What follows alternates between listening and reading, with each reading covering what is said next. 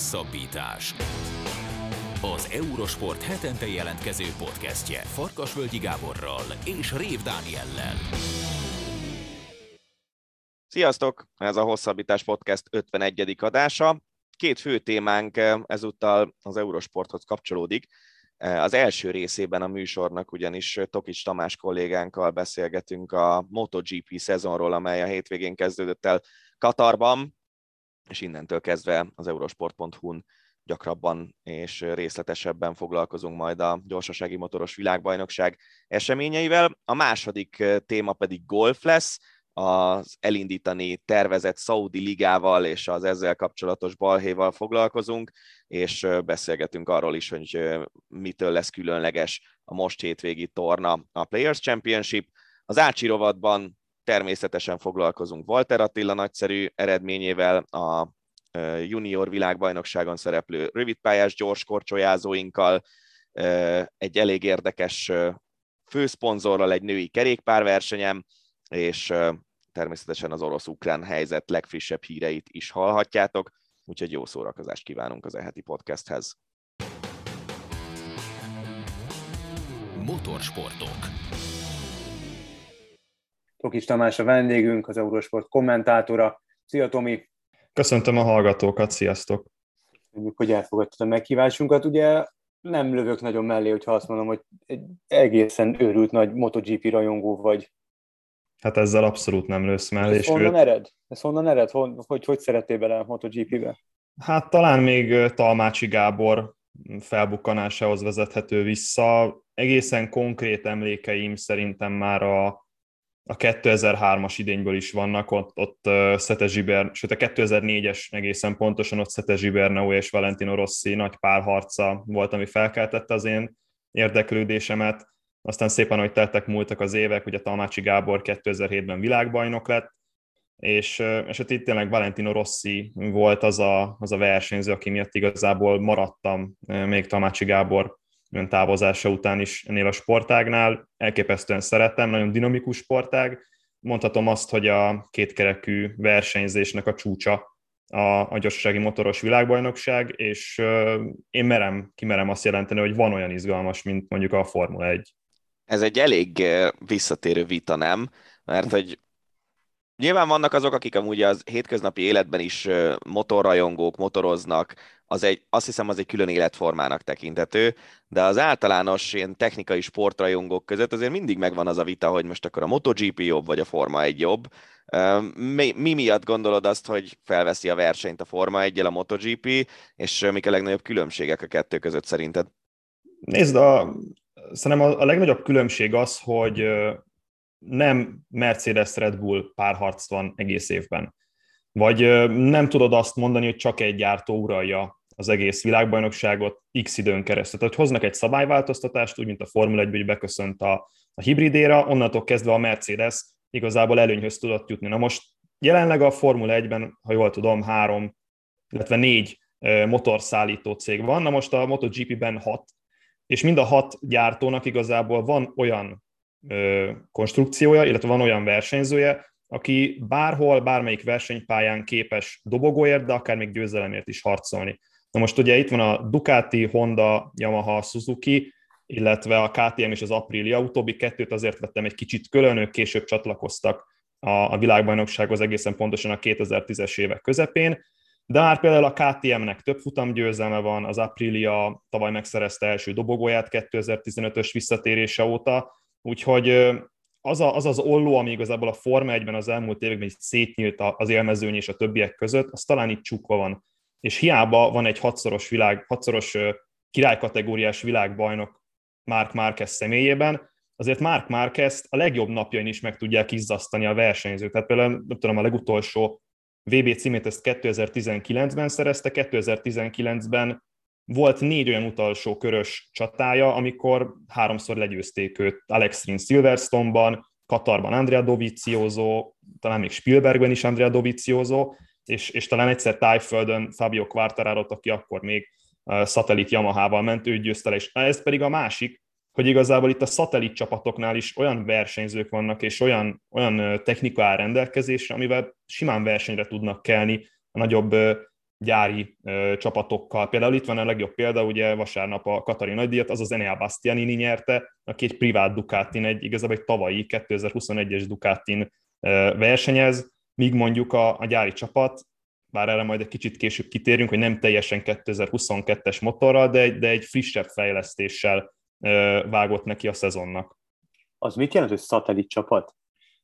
Hát az a nem gyári igazából a szatellitát most gyorsan számolok, hat gyári csapat van jelenleg a, a világbajnokságon, és mellette vannak szatellit csapatok. Ugye különböző gyártók különböző mennyiségű motort adnak igazából, itt most a Yamaha négyet, de az, hogy a Ducati 8 motor tud adni, tehát a mezőny egyharmadát a Ducatik adják, három privát csapattal vannak ott, ez ilyen, ez ilyen egészen hihetetlen, meg itt alapvetően érdeke a csapatoknak, meg a gyártóknak az, hogy legyen szatellit ilyen nem gyári csapatuk, mert az, az, az egy, tehát négy, négy azonos motorról sokkal nagyobb feedbackje van a, a gyártónak arról, hogy mit csinálnak jól, mit csinálnak kevésbé jól. Na most például a Yamaha ebben nagyon csúnyán belefutott a, a, az idei télen, ők, ők nagyon el vannak maradva a fejlesztésekkel, úgyhogy egyébként a regnáló világbajnok náluk versenyzik Fábio Quartararo személyében, de például a Honda nagyon csúnyán beleszaladt szintén az erdőbe, amikor megsérült Mark Márquez, és igazából egyetlen versenyzőre fejlesztették azt a Hondát, és nem jöttek az eredmények egészen.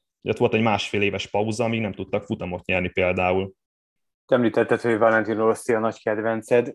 Hát Valentino Rossi idén már nem versenyzik, de egy, minimum egy másik dolgot elmondtál, amiért eléggé úgy tűnik, hogy Valentino Rossi nélkül is azért lesz miért izgulni, és lesz miért nézni az idei világbajnoki sorozatot, de hogyha mondjuk példákat is említenél, akkor biztos, hogy megkönnyítenéd a dolgunkat.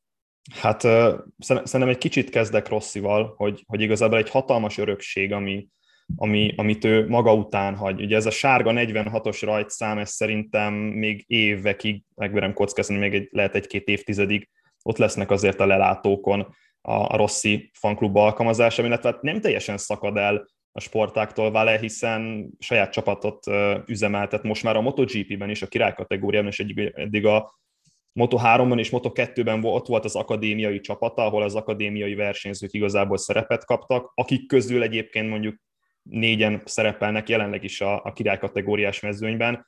Szóval Rossi nem teljesen fog elszakadni ettől, és, és szerintem az, hogy a gyorsasági motoros világbajnokság ennyire népszerű, az, az összeköthető Valentino rossi Tehát itt beszélünk sportágaknál gótokról, hogy ki minden idők legjobbja, nem tudom, Michael Jordan a kosárlabdában, a Formula 1-ben ott van Michael Schumacher, vagy éppen Lewis Hamilton. A MotoGP-ben ez, ez Valentino Rossi, nem ő nyerte a legtöbb világbajnokságot, állítom, hogy több világbajnoki cím volt az ő karrierjében, mint kilenc, ha kigondolta volna mondjuk 2009-ben, hogy, hogy nem fog többször világbajnokságot nyerni Valentino Rossi, nem, szerintem senki nem volt az ég egy a világon, viszont az ő karizmája, az ő egyénisége az, az annyira túlmutatott a többieken, tehát, tehát amikor ve, megnyerte a világbajnokságot nem biztos, hogy világban is, de futamot nyert Spanyolországból, és olyan öröm volt, hogy kiszaladt a, a, a toj-toj WC-re. Vagy, vagy tehát egészen magával ragadó volt az ő személyisége, és ezt az űrt nem feltétlen fogja akárki bepótolni. Tehát Mark Márquez nyerhet több világbajnoki címet, mint ő, az ő karizmája nem olyan a szurkolókra nézve, mint Valentino Rossi. Na most Mark Márquez egy, egy más tészta ebből a szempontból, ő egy, egy olyan versenyző, aki talán a legtehetségesebb, aki valaha két kereken ült, mert egy, egy rendkívül munkamániás versenyző, és, és ezért az ő karrierjével kapcsolatban mindig felhozzák azt, hogy, hogy nem mindig a legjobb technika volt alatta, és, és ez igaz a Hondára is, hogy a Honda azért sem tudott mostanában előrelépni, mert volt az ő sérülése, és Mark Marquez a Honda hiányosságai miatt én állítom, hogy emiatt szenvedte el 2020-ban Herezben azt a sérülést, amivel hát már másodjára sodorta veszélybe a karrierjét, hogy ott eltörte a felkarja, és, és egy titánium lemezt ültettek be oda, de annyira sürgette a visszatérést, hogy már öt nappal később versenyezni akart, és a, az erőhatásoktól a szabad edzésen meghajlott ez a titánium lemez. Akkor, na, ekkor döntött úgy, hogy, na, ekkor döntött úgy, hogy inkább kés alá fekszik és, és kivár egy kicsit, és akkor a hetekből lettek hónapok, a hónapokból lettek hosszú hónapok, és a hosszú hónapokból lett az, hogy végül az egész 2020-as évet ki kellett ülje, mert ott volt rossz, rosszul sikerült műtét, ott, ott, ott tényleg veszélybe került egyébként a karrierje, de még egyáltalán az, hogy a, a kezét tudja normálisan használni, és akkor visszatér 2021-ben, mint a király, viszont nem jönnek az eredmények. Miért nem jöttek az eredmények? Mert nem volt olyan kompetens versenyzője a Hondának, aki tudta volna fejleszteni azt a gépet. Mark Marquez ebben volt jó. És ha, ha egyébként bárki néztek korábban a MotoGP-t az elmúlt három-négy évben, az láttad, hogy Marquez nagyon sokszor küzdött a Hondával. Tehát nem, volt, nem volt hiába az, hogy ő mindig kinézett az időmérő edzéseken magának egy versenyzőt, és őt követte. Szó szerint másolta a stílust, mert egyszerűen a Hondával annyira nem volt stílusa, hogy muszáj volt valakit másolni ebből a szempontból. Nem tudom, a Quartararo-t idegesítette ezzel egy időben, tavaly Joan Mir, aki tavaly címvédő volt, 2020-as világbajnok, őt idegesítette, ezzel fel is szólalt, hogy ez egy nagyon sportszerűtlen dolog, és uh, idén pont Katarban talán Peko Bagnyája meg a Ducatikra ült rá így az első időmérő edzésen, és akkor ugye tavaly visszatért, Sachsenringen úgy nyert versenyt, hogy, hogy 2019-es motorral ment, tehát egy két évvel korábbi verziót használ, csak azért, mert a Honda kicsit el volt tévedve, és, és aztán jött megint év vége, egy, egy cross edzés, ahol mm, ki, kiújult ez a, ez a kettős látása egy bukást követően, ami, ami hát már sokat gyára veszélybe sodorta az ő karrierjét, hál' Istennek, én azt mondom, hogy, hogy hál' Istennek Mark Marquez visszatért, mert, egy, mert, egy, mert tényleg az egyik legjobb versenyzője ennek a világbajnokságnak, és kell egy Mark Marquez, egy jó Mark Marquez ennek a mezőnynek.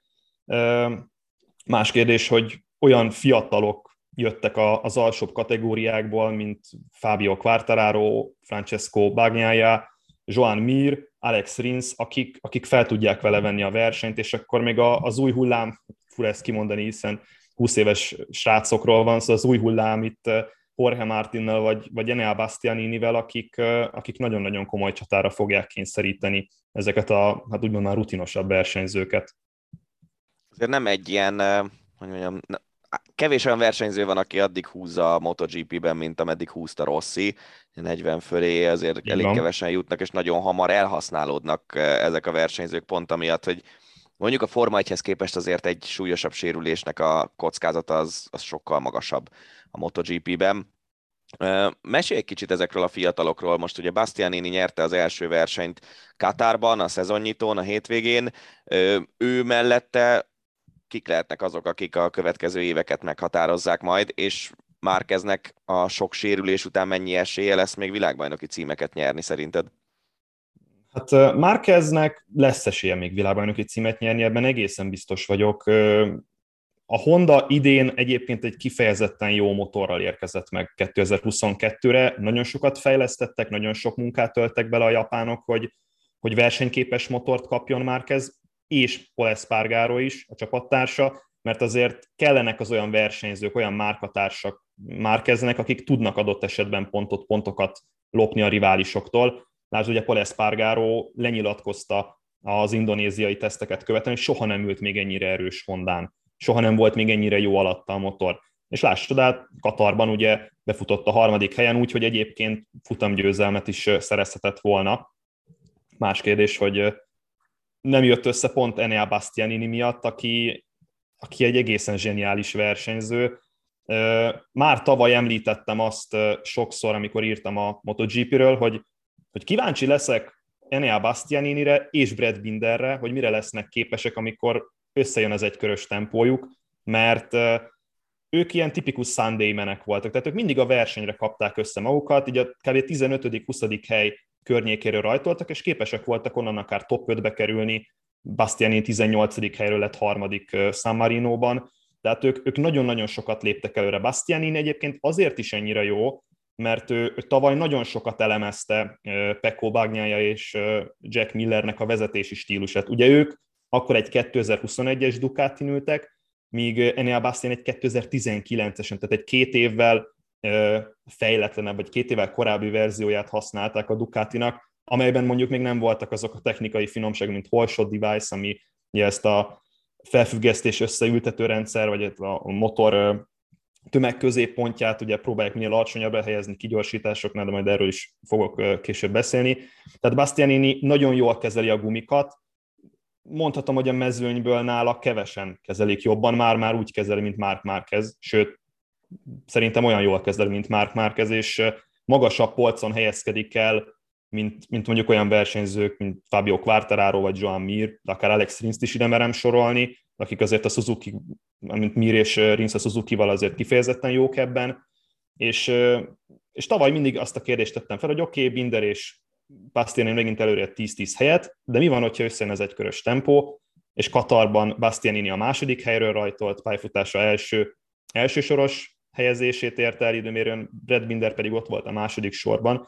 Úgyhogy ennek a két versenyzőnek, hogyha idén jönnek ezek a jó időmérős teljesítmények, és mellé párosul ez a, ez a remek taktika, amit a futamon alkalmaz. Tehát Bastianini olyan szinten tudja kezelni a hátsó gumikat, hogy a verseny kétharmadát követően megfutja a verseny leggyorsabb körét. Ami azért nagyon-nagyon ritka, hiszen már használt abroncsok vannak ilyenkor.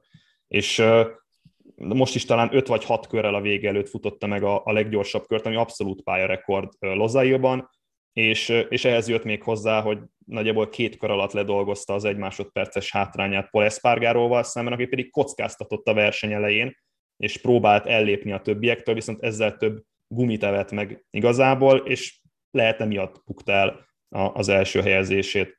Ugye Bastianini mellett ott van Jorge Martin, aki tavaly az év újonca lett, pont Bastianinit legyőzve. Ő már tavaly is nagyon jó teljesítményt nyújtott, voltak rajta elsőségei, dobogói, futamgyőzelme volt Spielbergből, úgyhogy mindenképpen akik most érkeztek a kategóriába, ott, ott, ott feltétlenül ki kell emelnem Raúl Fernándezt, aki hát a mezőny egyik leggyengébb csapatában lesz ott a Tax Free KTM-en.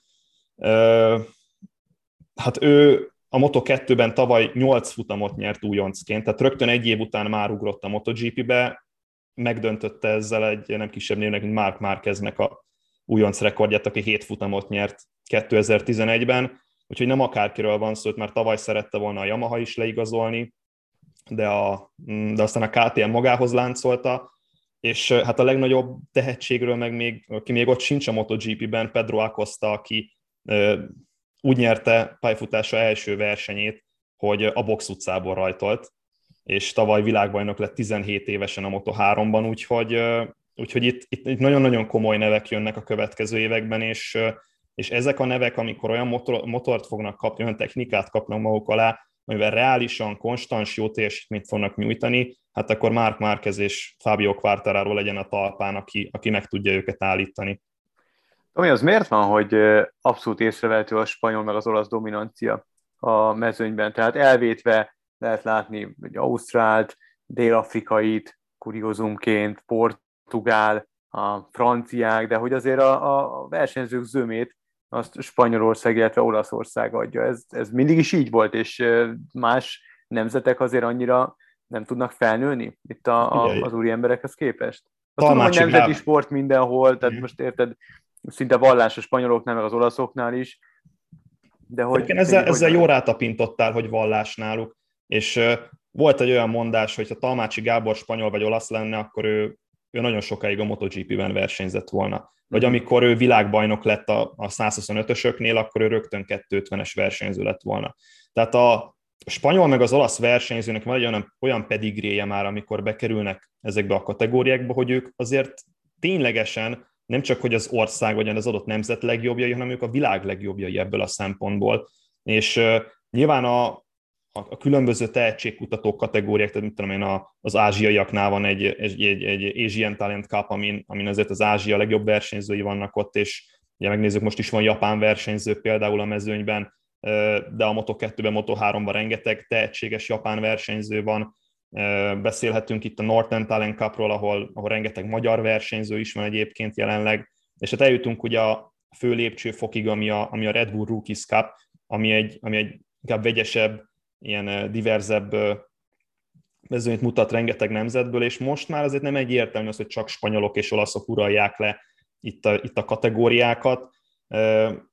Tényleg, ahogy mondta, dél-afrikai Brad Binder zseniális versenyző. Akkor most az öccse is ott van, Derin Binder a mezőnyben, az ausztráloknál, Jack Miller, Remy Gardner, aki Moto2-es világbajnokként került fel, szóval tele vannak most már olyan nemzetekkel, és hát ott van Fabio Quartararo, aki pedig Franciaország első MotoGP világbajnoka lett, mármint királykategóriás világbajnoka lett, akkor a honfitársa Joan Zarco, aki kétszeres Moto2-es világbajnok. Persze nyilván a nap végén igen megnézed, rengeteg olasz és spanyol versenyző van, ez, ez pedig abból adódik, hogy az ő utánpótlás szériájuk, vagy azok a nemzeti bajnokságok, amikben ők edződnek, azok, azok sokkal erősebbek, mint, mint mondjuk más nemzet bajnokságai. Ugye vissza, nem is visszatér, hanem meg fog jelenni Magyarországon is a MotoGP, hiszen épül Debrecentől nem messze a pálya, és 2023-ról volt szó, ha jól tudom, Igen. hogy már a következő évi versenynaptárban benne lesz a Magyar Nagydíj. De ki lehet Talmácsi Gábor utóda? Mert azért amióta ő visszavonult, olyan nagyon komoly sikereket a magyar motorsport nem tudott felmutatni.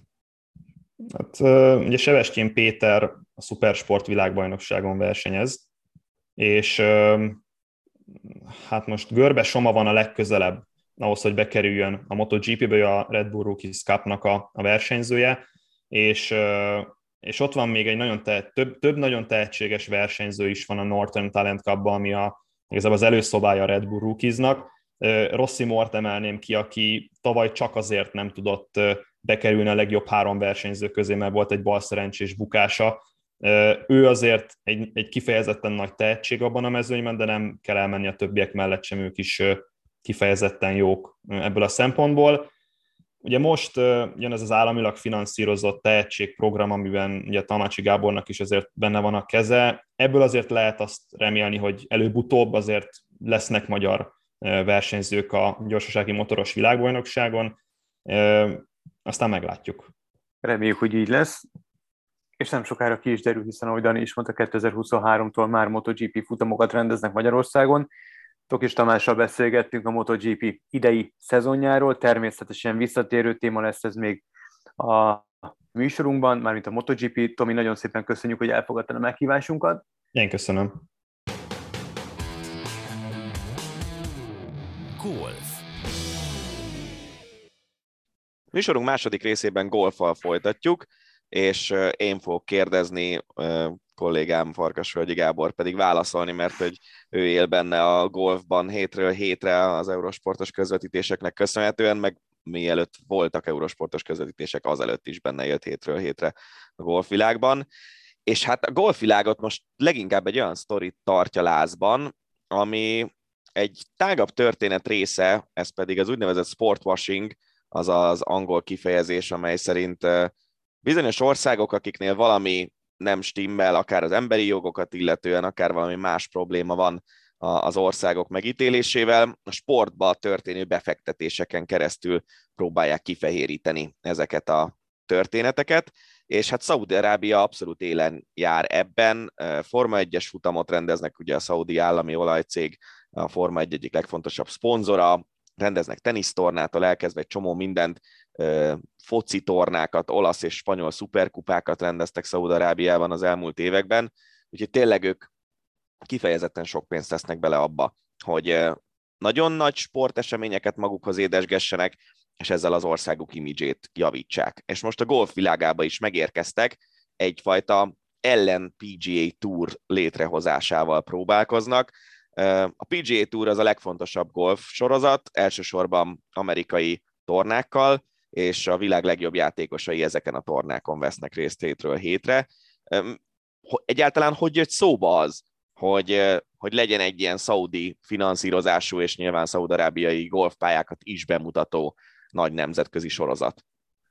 Igazából Szaudarábia és a PGA Tour, a, illetve a nemzetközi golf és a PGA Tour az már régóta összefonódott, hiszen leginkább a European Tour, tehát az európai profi golf sorozat égisze alatt azért Szaudarábiában, tehát a közel-keleten rendeztek számos igen rangos és igen pénzes golftornát. És amíg az európai sorozat égisze alatt rendezték meg a, ezeket a tornákat, addig nyilvánvalóan a PGA Tournak sem volt igazából nagy gondja ezzel, hiszen a PGA Tour, tehát az amerikai, illetve a European Tour, az európai, azért nagyon szoros viszonyt ápolnak egymással, hiszen a játékosok, az európai játékosok, az igazán jó játékosok azért átjárnak a PGA Tourra, Amerikába, és, és ott versenyeznek, hiszen ott lehet hétről hétre most már körülbelül kis túlzással majdnem másfél millió dollárt keresni egy-egy tornagyőzelemmel, és még az átlagos hétköznapi golftornáknak is a tengeren túli sorozatban azért legalább 8 millió dolláros összdiazása van. Tehát bődületes összegeket lehet keresni, még Európában egészen az idei szezonig azért e, bőven nem lehetett ilyen, most sem lehet ilyen összegekről beszélni, de most egy szignifikáns növekedés történt, most már azért majdnem minden tornán, sőt szerintem minden tornán minimum a 1 millió dollárt, hogy van? Minden tornának 2 millió dollár az összdíjazása, azért itt már, itt már elég komoly pénzdiakat lehet nyerni. A, a szaudiak pedig igazából, ahogy mondta, egy, egy ellent, ellentúrt szerettek volna indítani. Egy pár éve, szerintem egy-két éve jött az ötlet, két egymástól tele, teljesen független gazdasági csoportosulás kitalálta, hogy hát ugyanúgy, mint a fociban, egy szuperligát akarnak létrehozni. És az egyik egy londoni székhelyű, arról túl sok minden nem tudni, és egyelőre, talán azért, mert túl sok minden nem tudni, túl nagy gondja nincs vele a PGA Tournak és a többieknek. Viszont a szaudiak, hát érted, ott, ott ez a tipikus van pénz lóvéra alapon, mindenkit kilóra meg akartak venni, és azt mondták, hogy ők két milliárd dollárt áldoznak csak arra, hogy a játékosokat megszerezzék, de a legjobb játékosokat. Tehát a PGA Tour legjobbjait át akarták valahogy édesgetni az ő sorozatukba, és, és egy-két játékost magának a sorozatnak az arcává akartak tenni, és egy olyan sorozatot akartak létrehozni, ami a Forma 1-re hajaz, hogy X fős csapatokat létrehozni, egy évben kb. 18 tornát megrendezni, őrületes pénzdíjakkal, ahol, ahol még aki nem nyer, még az is hihetetlen pénzeket tehet zsebre. És hát nyilvánvalóan a PJ Tour az összecsinálta magát, amikor ezt meghallották, és rögtön elkezdtek fenyegetőzni, na már aki, aki viszont ott elindul, azt, az az életben nem indul a PJ Tournán, és karóba húzatják, és, és minden lesz, de golf nem. És a, és a, a, a szaudiak nyilván, a, a, illetve a, a, az európai sorozat a fenyegetettség miatt a kihátrált mögöttük, és így ők össze cuccoltak, összeköltöztek az ázsiai sorozattal. Mert hogy, ami lényeges, a major tornákon való indulás, ami a nagy nevű játékosoknak ugye a, a, az örökségét jelenti, ott csak akkor indulhat el egy játékos, hogyha világranglistás pontokat szerez, tehát olyan sorozatban indul, olyan versenyeken indul, ahol világranglistás pontokat osztogatnak. Ezért kellett összeköltözni, összebútorozni egy sorozatot, de miután az európai sorozat azt mondta, hogy köszi nem, az ázsiai sorozat felé mentek, őket megvették kilóra, és így már elhárult az az akadály is, hogy nincsenek világranglistás pontok. És akkor itt jött a második fejezet, szerezzük meg a játékosokat. És akkor egyes híresztelések szerint, amire nyilván konkrét ö, konkrétumokkal nem tud senki szolgálni, csak mende mondták, például Bryson DeChambeau, akinek a nevét talán azért még azok is hallatták, akik nem, nincsenek annyira otthon a golfban, 130 millió dollárt 130 millió dollárral kínálták meg, hogy legyen az arc ennek a sorozatnak. Csak tegyük helyre kicsit azért a pénzeket, hogy körülbelül egy Bryson DeChambeau szintű játékos, aki mondjuk a világ tíz legjobb golfozója között van, az, uh-huh. ez kijelenthető róla, ő mennyi pénzt tesz zsebre egy évben? Tehát, hogy ez, ez mondjuk megduplázta volna az ő éves bevételét körülbelül, vagy megtriplázta volna? Hát lehet, hogy megduplázta volna, biztos vagyok benne, viszont nagyon sokan azt mondják, olyan játékosok, akik már több mint 20 éve a PG Touron játszanak, hogy őrületes összegekről beszélünk, de ez kevés. De ez kevés, tehát ott legalább 200 fölé kellett volna menni, és akkor talán biztosra mehettek volna a, a szaudiak, és ezt most a legutóbbi Szappár elnevezésű podcastben mesélte egy Pet Perez nevű úriember, aki arról híres, hogy csak Jordan márkás cumokba jár, mert Michael Jordan óriási címborája, amúgy messze nem arról, hogy ő sok tornát nyert volna, viszont azt elmondhatja magáról, hogy 30 éve golfozik, és soha nem veszítette a turkártyáját, ami azért, azért azt mondatja, hogy egy igazán jó játékossal van dolgunk. Szóval ő azt mondta, hogy 200 alá nem lehetett volna menni. És megkínálták nyilván Phil Mickelsont is, aki Tiger Woods mellett talán a második aktív játékosokról beszélünk, a második leg, biztos, hogy a második legeredményesebb, és talán a, a második legnépszerűbb tagja a PGA Tournak, és karrierje során kb. 800 millió dollárt keresett már a PGA Touron. Tehát nagyon jól bánt vele a PGA Tour. És emellé és... meg ugye van a, a másik oldala a dolognak, ami az amerikai sportolóknál jellemző, hogy körülbelül ugyanennyit, vagy lehet, hogy még többet reklámbevételekből is kaszálnak van, az, e- ezek van. a sztárok. Így van, és Phil Mickelson elkezdte ilyen akna munkával a PGA Tourt ostorozni, és folyamatosan önzőnek, kapzsinak nevezte a PGA Tourt. Még egyszer mondom, azt a sorozatot, aminek ő az egyik legnagyobb arca, aki amelyik turból irgalmatlan összegeket húzott ki. Nem azt mondom, hogy ingyen kapta, de azért ő, ő vele nagyon jól bánt a PGA Tour. Tehát a kiemelt, kiemelt tagja a, a túrnak, Hall of Fame tag ráadásul. Tehát Tiger Woods mellett ő a golf. Nyugodtan kijelenthetjük. És elkezdte az akna munkát, és folyamatosan szította az ellentéteket, és próbálta igazából felsófolni a játékosok árát, és próbálta azt elérni, hogy a PGA Tour egy picit mélyebben a zsebébe nyúljon. Amit meg lehet érteni, de azért fölteszem a kérdést, mennyi pénzt kéne kapni egy torna győzelemért? Tehát nem elég a másfél millió dollár? Tehát könyörgöm. Tehát érted? Ugye ez azért arról szól, hogy egy évben mondjuk van 40 tornája a PGA ah, Tournak nagyjából. Igen, igen, igen. Hát igen, igen. itt azért tényleg milliárdos összegeket össze lehet keresni, és persze nem fogja senki, még a 40-ből 10 se nagyon nyernek egy szezonban, hanem inkább csak 3 négyet a legjobbak esetleg, de... Tessék? Na jó, de hát aki 3 négyet igen, nyer, tehát, az azt is már fölkapják, és az, az is már reklámbevételekből. Így van. És ráadásul azok a játékosok, akik a nagyobb tornákat megnyerik, ott sokkal nagyobb pénzdíjak is vannak. A Így van, és azért érted, egy, egy tizedik hely is nagyon jó hoz a konyhára.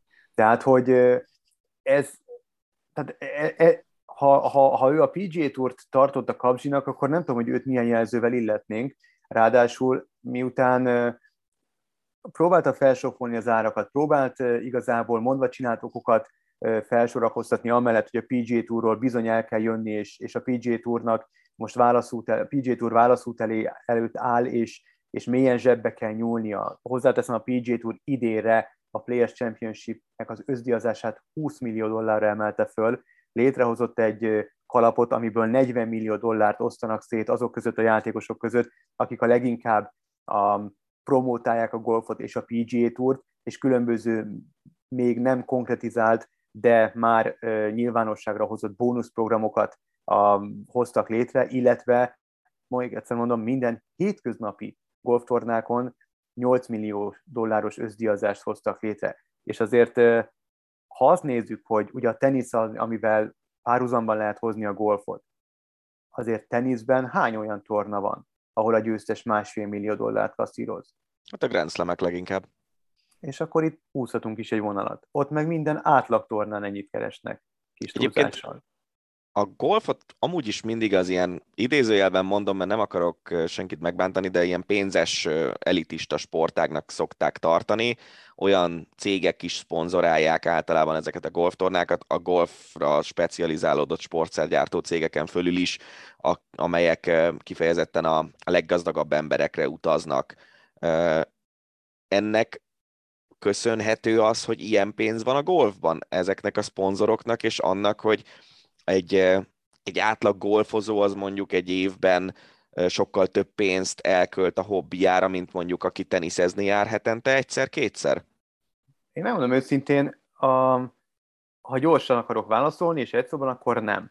Másrészt azért nem a tévés bevételek azok, amik őrületes összeget hoznak a PG Tourra, és ez például Tiger Woodsnak köszönhető. Tehát amikor ő színre lépett, az első az Arnold Palmer volt, amikor a tévés közvetítések bejöttek, ő már, már nem él, őt nevezik a királynak, ő tette először népszerűvé a televízióban a golfot. Aztán jött Jack Nicklaus, meg Gary Player, így együtt ez az első nagy hármas, aztán, ez, aztán jöttek Greg Norman, aki amúgy ennek az egész Saudinak a, a, a komisszárja, ugye ő a korábbi világelső, és egy, egy, egy örületesen népszerű, és egy nagyon jó golfozó volt, egy ausztrál eh, fickó, Chris Evertnek volt a, a férje korábban, és, és megjelent Tiger Woods, és eh, egy a semmiből nem feltétlenül pénzes körülmények között felnövő fekete srác, és egy valami oltári nagy boom következett a golfban. És igazából Mickelson is mondta, hogy Tiger Woods érának ő a legnagyobb nyertese, mert Woodsnak köszönhetően kasszírozott a torna győzelmei által őrületes összegeket.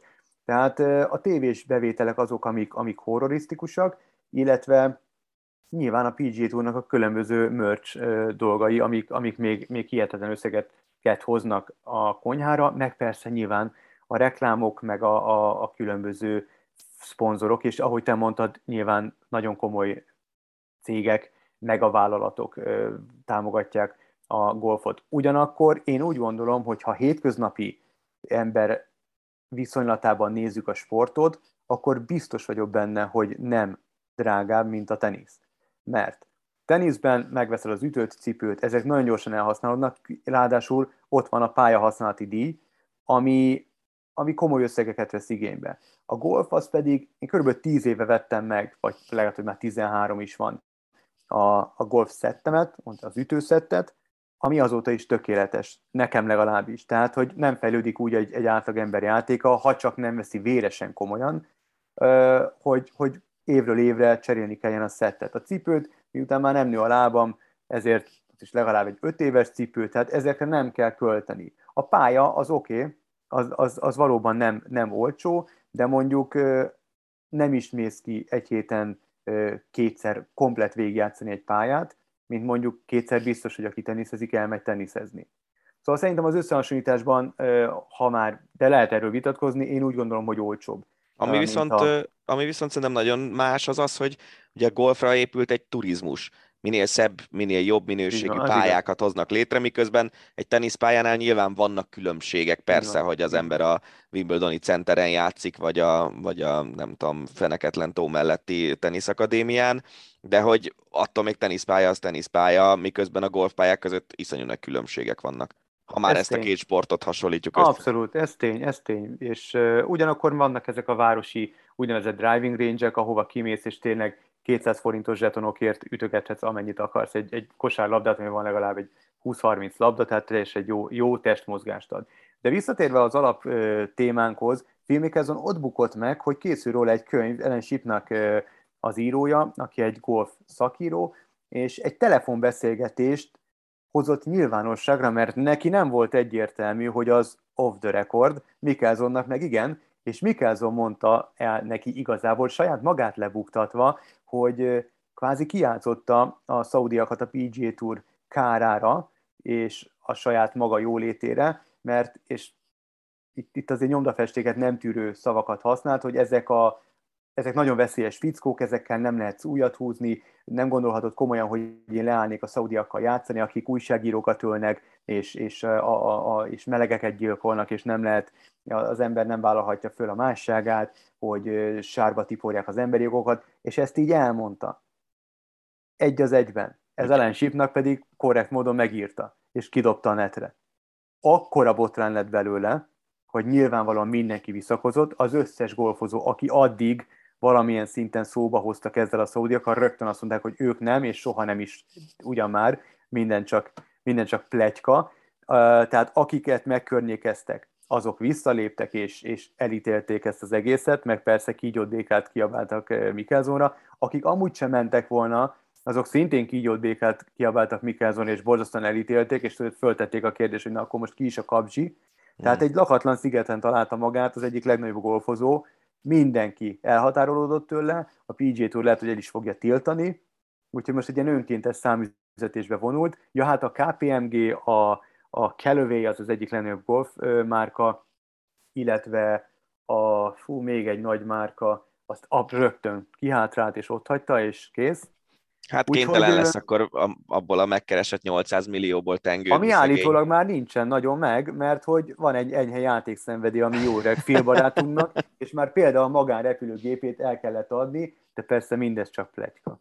Hmm, érdekes. Az, ugye az off the record az azt jelenti a sajtóban, hogy egy újságíró kérdez egy bárkitől valamit, és az a bárki az azt kéri tőle, hogy ezt ne írja meg az újságíró, csak olyan háttérinformációként közli, csak hát akkor ezek szerint ezt nem tisztázták Mikkelszonék. Nem annyira. Hát ez komoly hiba. Mennyiben befolyásolja ez a történet a következő hétvége eseményeit, mert hogy jön a Players Championship nevű torna csütörtöktől, és ez az egyik legnépszerűbb torna a PGA Touron, az egyik legnagyobb özdíjazással, és ráadásul a hétvégén egy elég különleges ceremóniával. Igen, hát ez a torna, ezt, ezt az ötödik majornek is nevezik, de nem az, ez a játékosok saját tornája, ez a PGA Tournak a saját tornája, a Players Championship, amúgy a legnagyobb özdiazás, 20 millió. Most e, az özdiazás itt a győztes több mint 2 millió dollárt kap. Egy legendás pályán, egy nagyon látványos pályán, úgy, úgy alakították ki, hogy egy ilyen stadium hívják, stadion elrendezési, hogy bizonyos pontjairól a pályának belátod az egészet, és különböző szakaszokon természetesen felhúznak ilyen lelátókat, tehát őrületes a, a, a hangulat, és végre most már megint ugye nézők előtt zajlik az egész, és azért nem lesz jelentősége a Phil Mickelson sztorinak, mert szerdán a Players Championship keretein belül iktatják be Tiger Woodsot a golfsporták halhatatlanjai közé, úgyhogy ez egy a valaha volt legnagyobbat ünneplik a, saját, a játékosok saját tornáján, ez elhomályosít mindent. Tehát ez erről fog szólni, Wood beszédet mond, ugye ő nem az a nagyon beszédes fiszkó, ugyanakkor biztos vagyok benne, hogy ez most ilyen minden idők beszéde lesz, úgyhogy mindenki nagyon várja, és senki nem foglalkozik filmekkel azonnal. Nem is indul. És mi lesz magán a tornán? Mi, milyen e, erőviszonyok várhatók szerinted? Hát ez, ez igazából megjósolhatatlan, mert olyan szuper korszakot élünk, hogy itt az első 10-15 játékos közül bárki nyerhet, bármikor, és pont a múlt heti torna mutatta meg, hogy hogyha jön egy, miután kültéri sportágról van szó, ha jön valami, valamilyen időjárási uh, szörnyűség és, és nehézség, akkor az abszolút megkeveri a kártyalapokat. Egy olyan játékos nyert múlt héten is, aki az éle, a pályafutása első 70 um, tornáján egy árva tornát nem nyert, egy árva verseny nem nyert, és a legutóbbi három hét alatt pedig két nagyon rangos viadal, többek között a múlt heti. Szóval bármi megtörténhet, és nagyon izgalmasnak ígérkezik. És akkor visszatérve az eredeti fő témára el tudod képzelni ezután a, a Malőr után, hogy lesz ebből a Super Golf League-ből, vagy Saudi Golf League-ből valaha bármi? Biztos, hogy lesz, mert, mert rengeteg pénzük van, és hatalmas presztízs veszteség ez a mostani. Biztos vagyok abban, hogy, hogy azok a játékosok, akik nem léptek vissza, tehát itt Ian Polter vagy Lee Westwood, európai golfban óriási névnek számító, de már 40-en felülévő játékosok, akik még mindig jó pengetnek, de azért nem ugyanaz nyilván a szint, mint a 20 éves amerikai játékosok. Szóval őket állítólag megszerezték, ők, ők teljesen értető módon pályafutásuk zenítje már bőven túl vannak, elmennek pénzt keresni, és azért még mindig embereket, tömegeket mozgatnak meg, de nem akkor, de ezzel nem tudják a PGA-t tud sarokba szorítani. Tehát, és nagy nevű, igazán nagy nevű játékosokat szerintem nem fognak megszerezni. A sorozat elindul, és majd kiderül, hogy milyen lesz, milyen pályákon, milyen tornákat rendeznek, milyen játékosokkal, aztán az is lehet, hogy még egyszer neki durálják magat, és azt mondják, hogy figyelj, 230 a 130 össze. Ez egy jó kérdés mindig, hogy egy-egy ilyen játékosnál van-e az a pénz, ami, ami tisztára mossa a szaudi rezsimnek az egyéb problémáit. Nem tudom, hogy hogy jó sportban keresgélnek-e egyébként, mert ezekkel az összegekkel valószínűleg más sportágakban még nagyobb elérést tudnának elérni, még nagyobb nézettséget bizonyos országokban, és akár lehet, hogy tizedennyi pénzből meg tudnák oldani ezt az egészet, nem? Lehet. lehet. Igen. Na mindegy, ez egy nagyon érdekes jelenség. Beszélgettünk ugye már néhány hónappal ezelőtt Dénes Ferenccel is erről a jelenségről, Szaudiak most éppen a Newcastle eh, United-et vásárolták meg az angol Premier Ligában néhány éve, és biztos, hogy a következő években is számíthatunk még arra, hogy eh, az olajból beérkező pénzük, ami egyre csak nő a jelenlegi körülmények között, az annak egy részét azt ilyen sportberuházásokra fogják majd költeni. Ácsi. A hét legérdekesebb hírei. Sziasztok, ez az Ácsi rovat, természetesen ezúttal is, ezen a héten is jövünk, és rengeteg érdekesebbnél érdekesebb, vidámabbnál vidámabb hírt szedtünk össze. A legszebb hír, amely az egész múlt hetünket bearanyozta, Walter Attila negyedik lett a Strádviánk egynapos versenyen, ez egy nagyon rangos viadal, szóval ez az eredmény egy óriási fegyvertény, természetesen ezt nem én fogom taglani, hanem Dani, hiszen sokkal inkább benne van ebben a témában. Szóval miért is olyan nagy dolog ez a Strade Biancon elért, jól mondom egyáltalán? A nevét? Strade Bianche. Strade Bianche versenyen elért negyedik helyét. A szerkesztőségen belül is így beszélgettetek, hogy fú, ez most vajon mivel egyenértékű, mivel egyenértékű ez? Hát ugye két vonulata van ennek a dolognak. Az egyik az, hogy ez egy World Tour egynapos verseny, ami nagyon komoly pontszerzés. Hát eddig volt Attilának ilyen 280 pont környéke a világranglistán, most ez az egy versenyért 175 pontot. És ennek köszönhetően, hogyha hozna még egy hasonló eredményt a szezonban, vagy ő, vagy bárki más a magyarok közül, akkor már nem egy, hanem három versenyzőt indíthatnánk a világbajnokságon, ha jól mondom, de biztos, hogy több mint egyet. Azt. E, e, ugye ez már ezzel ott leszünk a 30. hely határán, és az első 30-ban nem mindenki ugyanannyi versenyzőt indít, de hogy a 30. helytől fölfelé már, már a VB-n több embert lehet indítani. Ez az egyik oldala a dolognak. A másik oldala a dolognak az viszont inkább az, hogy ennek a versenynek a presztízse az iszonyú magasan van, pedig mindössze 16 éve rendezik meg ezt a versenyt, és nagyon sok olyan versenyző van a világon, aki ezt a versenyt szeretné megnyerni, mert ez egy olyan verseny, ahol jól tudnak menni a hegyi menők, mert vannak benne emelkedők, és összességében is elég sok szint különbséget kell ledolgozni. Ugyanakkor az egynapos menők, mint Van Aert, meg Van Der Poel is az elmúlt években tudtak itt nyerni, meg Tisbenót nyert itt néhány éve, aki szintén egy egynapos menő, úgyhogy sokféle típusú versenyző nyert már itt az elmúlt években versenyt, és tényleg ezt, ezt a hatodik nagy klasszikusnak szokták tekinteni, ugye van az öt úgynevezett monumentum, a legnagyobb egynaposok, és ez, ez tényleg amiatt, mert a versenyzők nagyon szeretik, és mert a nézők is nagyon szeretik, ez emiatt kvázi a hatodik monumentumként van elkönyvelve, és, és ezen a versenyen tudott negyedik lenni Walter Attila, ami, amit csak még tovább fokoz magát az eredményt, az, hogy milyen mezőnyben tette mindezt, tehát az, hogy úgy nézett ki a dobogó, hogy a korunk legjobb versenyzője Tadej Pogacsár győzött, az elmúlt húsz év egyik legmeghatározóbb versenyzője Alejandro Valverde lett a második, aki nyert Vueltát, meg egy vagon egynapos, meg egy hetes versenyt, és Kasper Asgren lett a harmadik, aki meg tavaly a az egyik legnagyobb presztízsű egynapost a flandriai körverseny nyerte meg. És Walter Attila a negyedik. Tehát egy, egy olyan névsor végén van, ha az első négyet nézzük, akik mögötte jöttek be, Pejo Bilbao, meg Tim Wellens, meg Narváez, meg Narváez talán a legkisebb név, de hogy tényleg itt, itt nagyon nagy versenyzőket előzött meg, és nagyon komoly mezőnyben lett negyedik. Úgyhogy szerintem ez, abban biztos vagyok, hogy a Tour de Hongri győzelménél ez rangosabb eredmény, szerintem Attilának ez a legnagyobb eredménye eddig a pályafutása során, és, és azt gondolom, hogy ez Blankának a tavalyi VB negyedik helyével nagyjából egyenértékűnek tekinthető, vagy, vagy nagyon közel van ahhoz ez az eredmény. Szóval ez egy nagyon nagy dolog.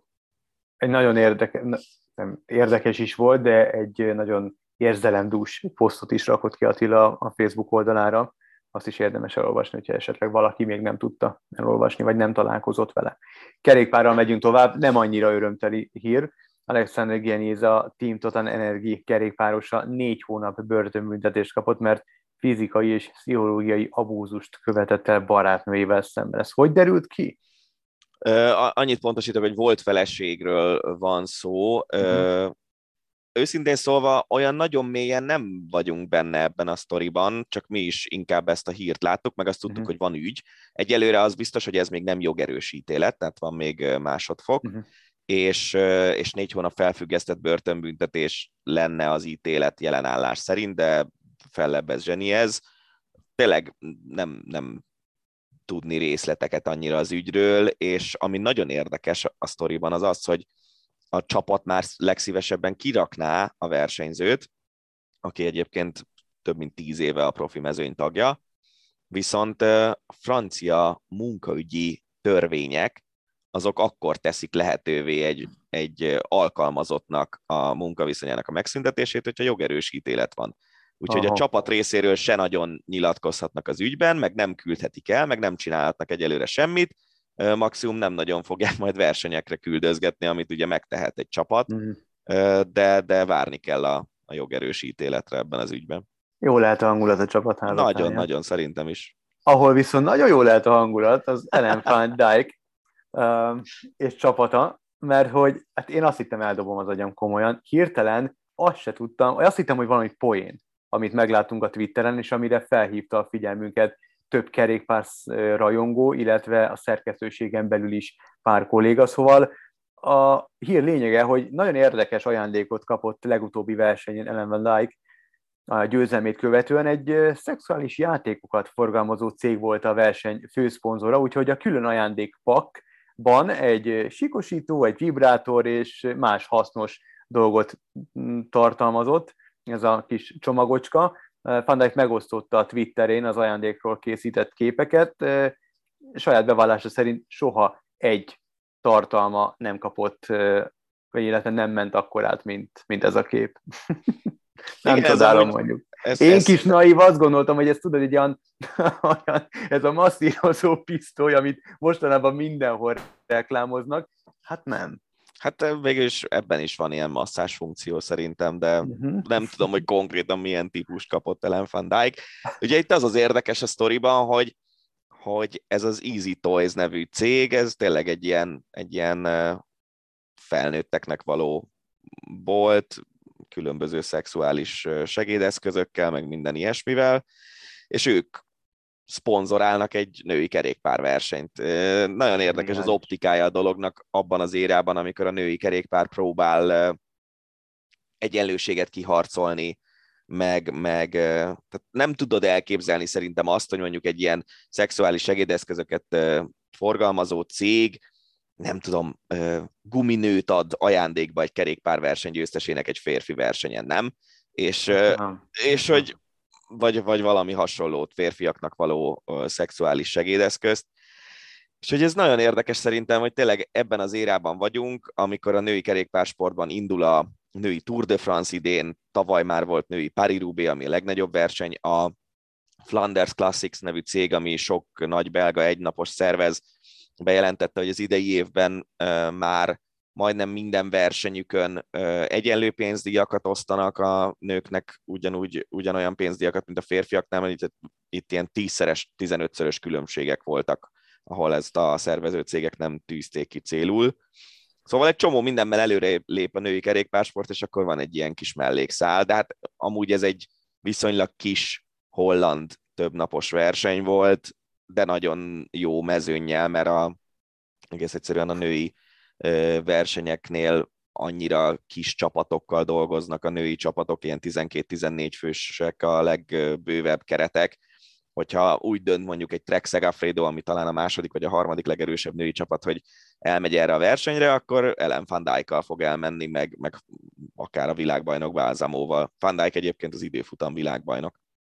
De figyelj, és az miért van, hogy, hogy egy ilyen, mondtad, hogy hogy, ki, hogy, hogy, hogy a női kerékpár kit, megpróbál kitörni a skatujából, és megpróbál szintet lépni egy, egy másik polcra kerülni. Miért van az, hogy ebben a helyzetben mondjuk egy ilyen kerékpár versenyen a, belemennek a szervezők, hogy, hogy egy ilyen cég legyen a, a főszponzor, azért, mert ennyire nyitottak, és ez semmi bajom nincsen, vagy azért, mert ennyire kell a pénz, és egyszerűen nincsen más, aki szponzorálta volna őket. Lehet, hogy mindkettő, de ezt tőlük kéne megkérdezni. Uh-huh. Én a, a saját fejemmel azt gondolom erről, hogy Hollandiában valószínűleg azért ezek más, más szinten vannak a közbeszédben Aha. ezek a témák, mert egész egyszerűen egy sokkal nyitottabb társadalom Hollandia uh-huh. társadalma, mint a miénk szerintem ez is benne lehet, hogy úgy voltak vele a szervezők, hogy igen, ti ajánlatok föl pénzt, hát akkor legyen ez. És akkor egyébként meg ugye hírverés, tehát nem tudom, emlékszel, néhány évvel ezelőtt volt az a sztori, amikor Péter Sagan a dobogón megmarkolta az egyik pódiumlánynak a fenekét egy nagy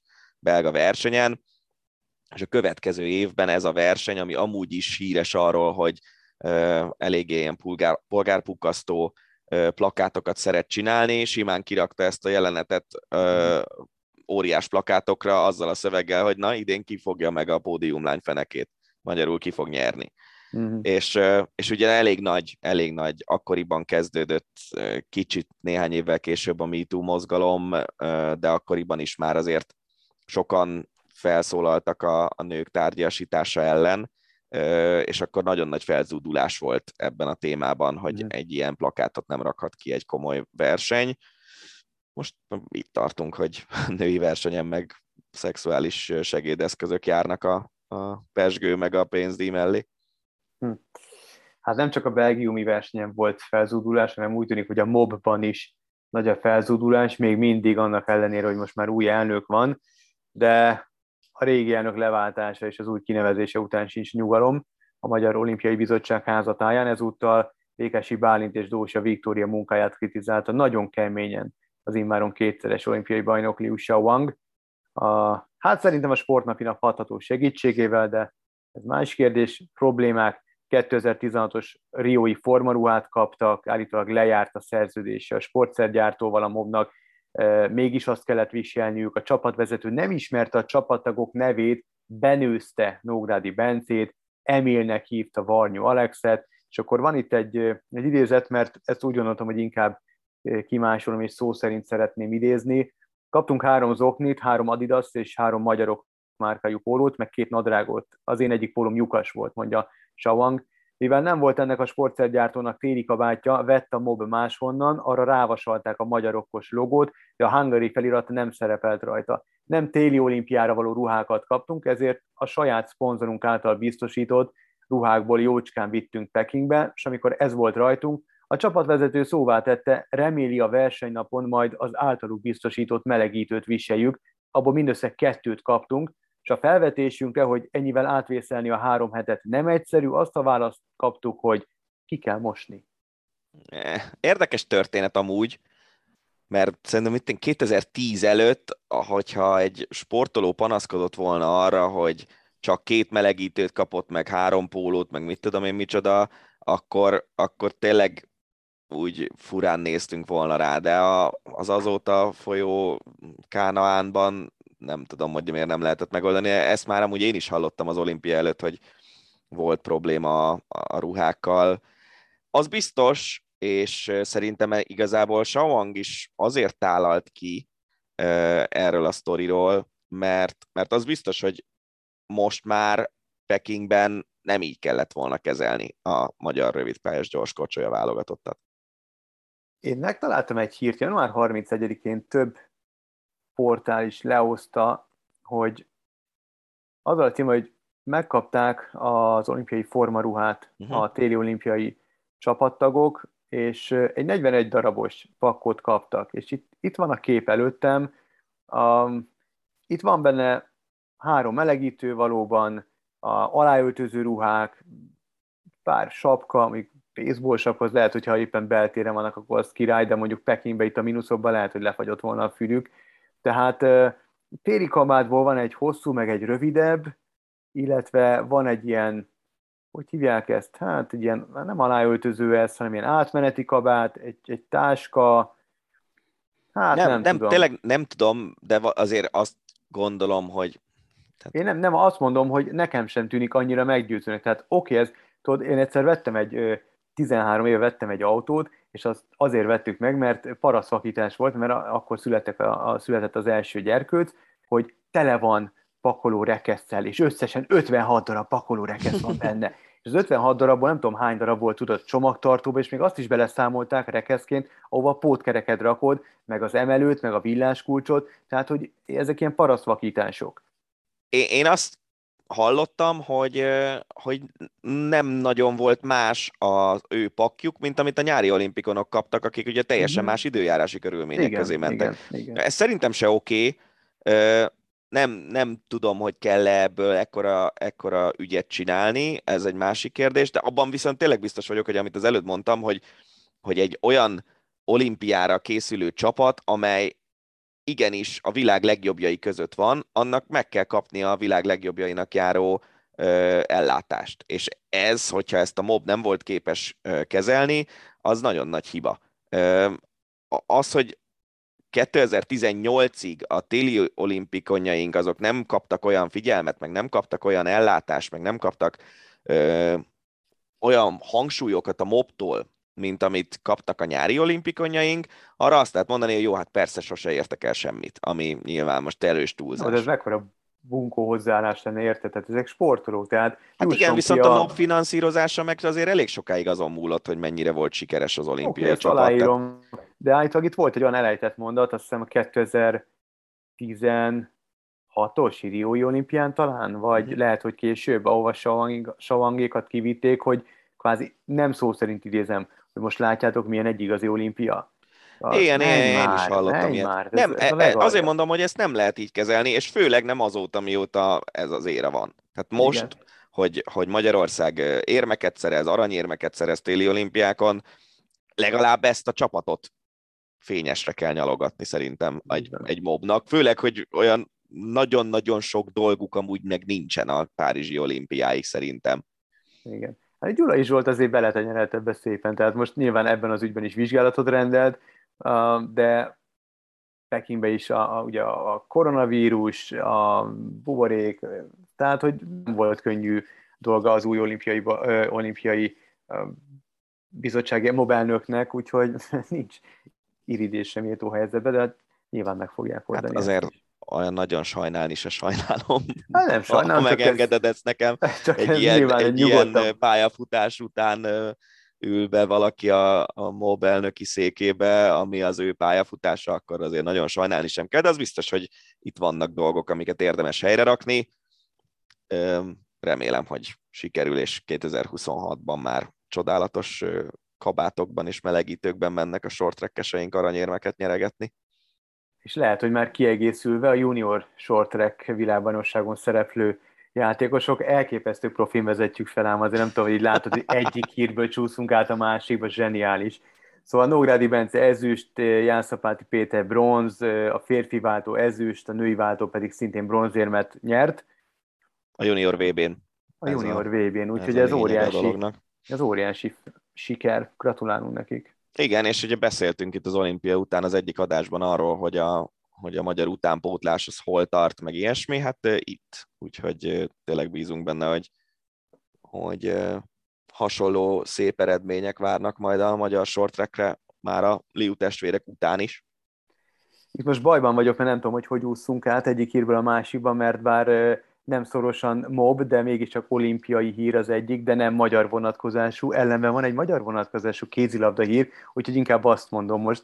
Szóval Európa bajnok is Pedig az átúszás az önmagában jó lett volna a következő Igen, mert hírre. hogy úszás az, de mégiscsak magyar vonatkozású hír, úgyhogy maradjunk a magyar lokál patrióták. Szóval Európa bajnoki selejtezőn Spanyolországgal játszottunk, mármint a magyar kézilabda válogatott, a női kézilabda válogatott, és bár idehaza két góllal kikaptunk, kint hárommal nyertünk, és így csoport elsőként jutunk tovább valószínűleg, és miért is jó hír ez nekünk, a továbbjutás leszámítva? Hát mert ugye itt az EB selejtezők eredményei alapján szokták emlékeim szerint az EB-n a kalapokat kialakítani, és emiatt valószínűleg könnyebb csoportba fogunk kerülni, mint hogyha csoport másodikok lettünk volna. Hát ugye ami itt a szomorú ebben a dologban az az, hogy hogy hát ugye a VB-n is a spanyol válogatott lehetett volna az elődöntős ellenfelünk, hogyha eljutunk odáig, ha jól mondom, és, és lehet, hogy a negyed döntős, mindegy, de hogy, de hogy nem jutottunk el odáig, pedig ez a spanyol csapat, ez látszik, hogy az olimpián is megvertük őket, most a hazai meccsünkön is vezettünk már öt góllal, de aztán a végén el, hát elszúrtuk mondjuk ki azt a meccset, és, és oké, okay, hogy a spanyoloktól hiányzott néhány játékos a VB csapatukból, de, de nálunk is hiányzott néhány játékos a legerősebb keretünkből, szóval ezzel a spanyol csapattal abszolút partiban vagyunk, és, és kár, hogy nem jutottunk el odáig, hogy esetleg megverjük őket, és egy VB-ére miért játszhassunk. Hát az Európa-bajnokságon remélhetőleg. Na és akkor most következzen az a mobhoz nem szorosan kapcsolódó, de olimpiai hír. A svájci legfelsőbb bíróság pénteken elutasította a háromszoros olimpiai bajnok kínai úszó Sun Yang utolsó fellebezését. Ezzel lezárult egy borzasztóan hosszúra nyúlt szappanopera dopingügy, amely három és fél évre nyúlik amúgy vissza. 2014-ben másik dopingügy miatt már volt három hónapos kényszerpihenője a Sun Yangnak, 11-szeres világbajnokról beszélünk, ugye, és az eltiltását 2020. február 28-ától számolják, 24. május 28-án jár le, és hát ő úgy nyilatkozott, hogy szeretne ott lenni majd Párizsban, és fejest ugrani a medencébe. Hát azért Ez nem az, nem egyszerű, az nem egyszerű dolog szerintem, főleg, hogy azért a kínai csapatba bekerülni sem biztos, hogy olyan nagyon egyszerű manapság úszásban, úgyhogy nem tudom, ezek, ezek olyan nehéz dolgok, nem, hogy amúgy az életben, hogyha mondjuk valaki, mit tudom én, elkövet egy, teszem azt egy, hát egy csalás, mert hogy a dopingolás is tulajdonképpen az, valaki mondjuk elcsal pénzt mástól, utána leüli azt a börtönbüntetést, ami járt azért, és bízik benne a társadalom, hogy megváltozott, és vissza tud illeszkedni, és segíti, mondjuk a, főleg a progresszívebb országokban segíti a, a börtönviselt emberek visszailleszkedését a társadalomban. Nyilván nem tömeggyilkosokról beszélünk, hanem uh-huh. valamilyen csalás jellegű dolog. De hogy nekem mindig olyan furcsa azt látni, hogy valakit eltiltanak kettő-négy évre, és akkor utána újra ott van, és újra nagyon jó, és és aztán megint Mi lehet a háttérben? igen, tehát, általában azért igen, ez kicsit, általában kicsit olyan, az, hogy megint eltiltják. Igen, tehát egy kicsit olyan ez, mint egy a, a társadalomba visszaengedett csaló, nem tudom, két hónappal a, a börtönbüntetése lejár, lejárta után ferrari venne magának, és akkor elgondolkozik az ember, hogy na most ezt hogy hoztad össze, Mi öregem? Mi bű, igen. Mi bű. Kicsit így vagyok a, az eltiltások után a régi szintjükön visszatérő sportolókkal is. Igen, nem zörög a haraszt. Ja. Ennyi tett Franciaország a Covid protokollon, így Novák Djokovic elindulhat minden valószínűség szerint a párizsi Roland Garroson. Hozzá kapcsolódó hír, hogy 15 év együttműködés után szakított edzőjével, Maria Majdával. Ugye a továbbiakban majd Goran Ivanisevic irányítja a 20-szoros Grand Slam bajnok munkáját, aki 2019 óta a Djokovic stáb tagja. Az enyhítésnek örülök, a Vajda sztoriról meg majd meg kéne kérdezni valamelyik teniszes kollégát, mert nem, nem tudom, hogy köztük egy ilyen kicsit egy ilyen love-hate, se se nélküled kapcsolat van, azt hiszem. Ja, hogy, volt már, hogy szüneteltették a Hát igen, igen, igen. Ugye Vajda volt a fiatal korától kezdve az edzője, vele vált sikeressé, aztán szakítottak, amikor nem ment annyira, aztán újra elkezdett vele dolgozni, úgyhogy nem tudom, hogy itt most mi van. Ja. Djokovichoz kapcsolódik a következő hír is, Szeri Stahovski, aki Kievben harcol, ugye róla volt már szó a múlt heti adásban, nemrég jelentette be visszavonulását, legnagyobb győzelme, amikor Federert legyőzte Wimbledonban, szóval ő most Kievben harcol, a megszálló orosz csapatokkal szemben, és az Instagram oldalán adta közre annak a beszélgetésnek a részletét, amelyet Novák Gyokovicsal folytatott, és amelyben a szerb sztár a hogy léte felül érdeklődött, és azt kérdezte, hogy hogyan segíthetne, akár anyagilag is, vagy bárhogy. És ez egy remek gesztus, és ezt csak azért írtam ide, mert és jegyeztem föl, és akartam mindenféleképpen szót ejteni erről, mert azért nagyon sokszor kritikusan állunk Djokovic felé, nyilván ö, okot is ad rá Novák sokszor, de amikor el kell ismerni valakit, akkor el kell ismerni valakit, és ez most az a szituáció. Az az érdekes, hogy egy csomó ember kommentelte oda, hogy mennyire nem meglepő ez. Lehet, hogy tényleg Gyokovicsnak van egy olyan privát arca, ami, ami ez, hogy ő szeretne segíteni, akin akar, meg mit tudom én, miközben a nyilvános arca az meg nekem nem túl szimpatikus. Ráadásul ugye... Nagyon érzékeny ember. Szóval én, a, én abba biztos úgy. vagyok, abba biztos vagyok, hogy, hogy ő egy érzékeny ember. Csak azt akartam még mondani, hogy ugye Szerbia érdekes helyzetben van, mert ugye a szerbek is nagyon orosz barátok sokan, főleg általában a, a szerb kvázi, most nem akarom a, a nacionalista szót, ezt nem ilyen szélső jobboldali, meg ilyesmi értelemben, de akik ugye a hazájuk mm. fontos, és a szerbeknél azért ez egy elég nagy része a társadalomnak, és Djokovic is egyértelműen ide sorolható. Szóval főleg a szerb nacionalisták körében az orosz barátság nagyon elterjedt, amennyire én tudom, és, és ennek ellenére kérdezte meg Stakowskit, miközben tudtommal nem, nem tudom, hogy volt-e neki például posztja az ukrán háborúról, vagy ilyesmi, kiállt-e bármelyik oldal mellett, mindjárt megnézem, de, de ez egy érdekes dolog volt, hogy, hogy Stachowski-nak személyesen írt, és megkérdezte tőle, hogy mi van vele, meg ilyenek. Nincs poszt. Hm. Szép gesztus volt ettől függetlenül természetesen. Az Orosz Labdarúgó Szövetség bejelentette, hogy a Nemzetközi Sport Döntőbírósághoz fordul, mert a Nemzetközi és az Európai Szövetség, tehát a FIFA és az UEFA is felfüggesztette az orosz válogatott és az orosz klubcsapatok részvételét a nemzetközi sorozatokban, mert hogy nyilván azért, mert Oroszország egy hete háborút indított Ukrajna ellen. Hát erről múlt héten már beszéltünk, akkor még nem tartottak ott a kizárások, ahol most tartanak. Nehéz kérdés ez szerintem nagyon, és értem tökre azt, a, azt az érvet, ami szerint a kollektív bűnösség a kimondása lényegében az, az, az szörnyű, és tényleg egyet is értek alapesetben ezekkel a dolgokkal, de tényleg itt most egy olyan országról beszélünk, aminek a sport nagyon fontos, és a, annak az országnak a propagandájának nagyon fontosak a sportsikerek, és innentől kezdve, hogyha gazdaságilag próbálunk ártani egy országnak, akkor lehet, hogy jó, hogyha megpróbáljuk ilyen érzelmi dolgokkal is ezt az országot bántani, mert háborút kezdeményezett, de mondom, ez, ez szerintem ez, ez egy nagyon nehéz kérdés, és ez csak nagyon. az én gondolatom erről.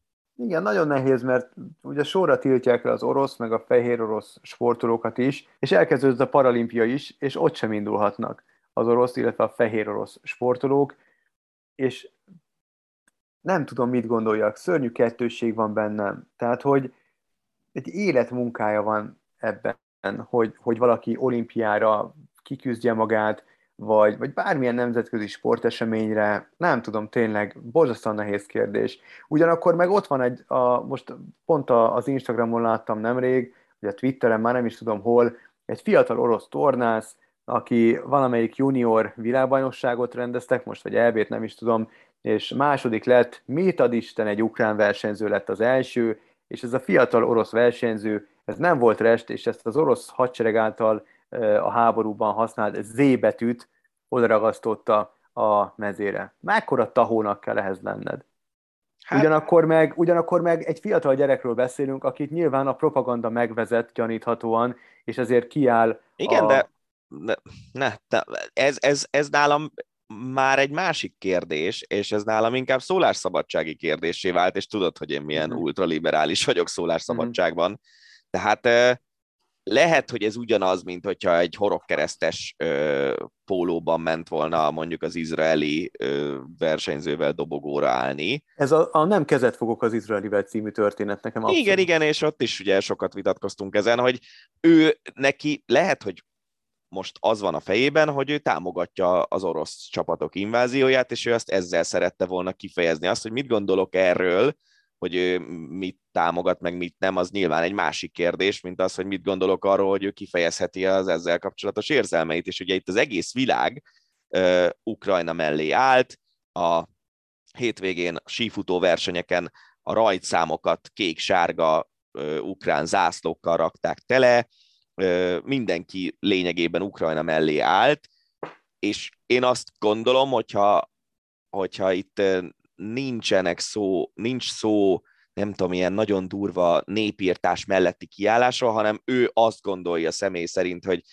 Ukrajnának Oroszországhoz kéne tartoznia, és ő ezt fejezte ki ezzel az ébetűvel, akkor nem, nem értek egyet vele, de szerintem megilleti a jog, hogy ő valamivel ezt kifejezze. Iszonyatosan szerencsétlen dolog, és nyilván a, igen, bocsánat, mondjam. Nyilván, nyilván tényleg itt ö, olyan dolgok történnek, amikről nem is feltétlenül tudunk, és lehet, hogy ö, majd a történelemben ez a Z betű, ez egyenértékű lesz a vörös csillaggal, meg a, meg a ö, na, horogkeresztel, igen, a szvasztika szó jutott eszembe, szóval le, lehet, hogy egyenértékű lesz ez az Z betű ezekkel a szörnyű rezsimekre jellemző szimbólumokkal, és ugyanúgy be lesz tiltva, meg ugyanúgy a történelem szemétdombjára kerül ez is. Remélem ez így lesz egyébként hosszú távon, de ettől még, ha ő úgy érzi, hogy ő neki meg kell mutatni azt, hogy ő támogatja az orosz csapatokat, akkor én úgy vagyok vele, hogy felőlem mutas, csak aztán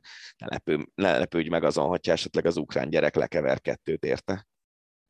Igen, meg érted, az, tudom, hogy ez nem olimpia volt, de, de ott sem lehet megnyilvánulni. Tehát a Black Lives Matter mozgalmat például nem lehetett uh, igazából előhozni az olimpián. Tehát, hogy ezek, ezeken az eseményeken nem lehet politikai hangvételű gesztusokat gyakorolni, vagy bármiféle hát de figyelj, de, de, de látod, hogy lehet.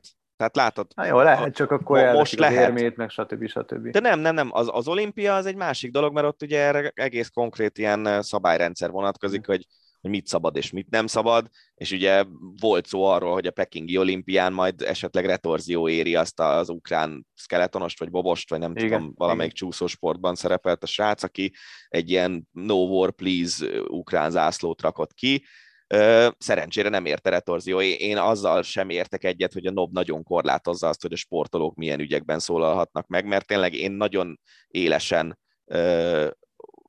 támogatom a, a szólásszabadságnak a, a, a meglétét, és, és szinte minden, minden hülyeséget, amit emberek szólásszabadság címszóval mondanak, azt én úgy vagyok vele, hogy mondhassák, mert az garantálja azt, hogy én is elmondhatom a saját véleményemet.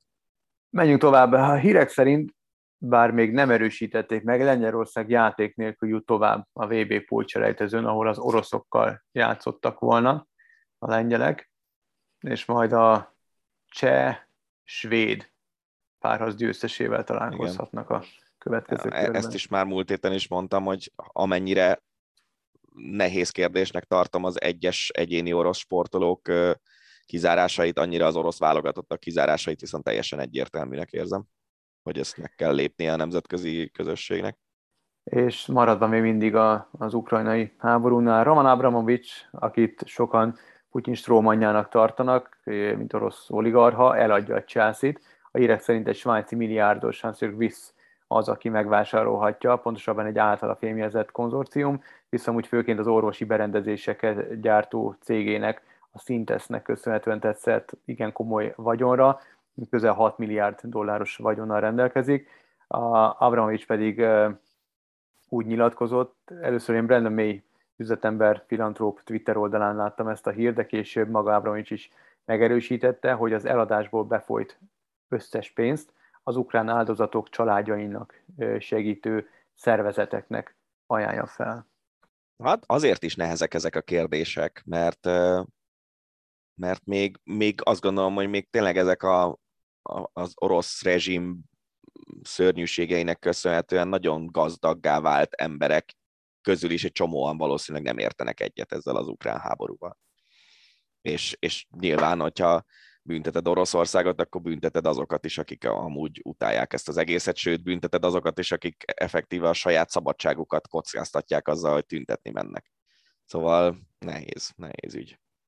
Mindig a témánál maradunk, szakított a ház Form 1-es csapata Nikita Mazepinnel és az Urákáli céggel, amely főszponzora volt a csapatnak. Ugye egy héttel ezelőtt azt mondtuk, hogy nem levették a festést a, a kocsiról, de igazából ilyen úgymond kemény retorziókat akkor még nem tudtunk meg a csapat házatájáról. Amúgy az Urákáli tulajdonosának a fia éppen Nikita Mazepin, szakítása és Teljes véletlen.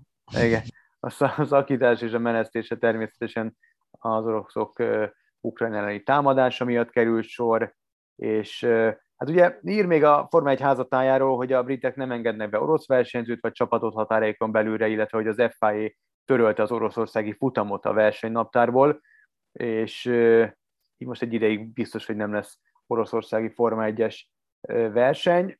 Mazepin távozásának nagyon sokan örülnek, mert úgy legalább egy kevesebb lesz, aki, illetve így legalább eltűnik a mezőnyből az, aki nagyon kilógott ebből az egész társaságból, és és olykor veszélyeztette is igazából a többieket, legalább nem töri halomra, nem csak a saját, de mások autóját sem.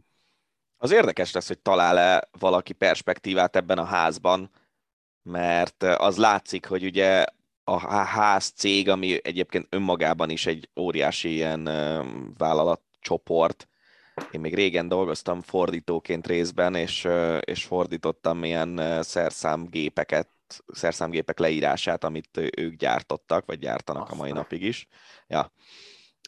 Szóval ez a ház cég, ez látszik, hogy a Forma 1-et most már azért inkább hát ilyen szálljunk ki minél előbb, minél kisebb veszteséggel módon akarja megúszni, és még az is lehet, hogy ugye szó van arról, hogy Andrettiék beszállnának a Forma egybe, hogy, hogy megveszik majd tőlük a házt, de nem tudom, hogy ki lát perspektívát a legrosszabb autóban.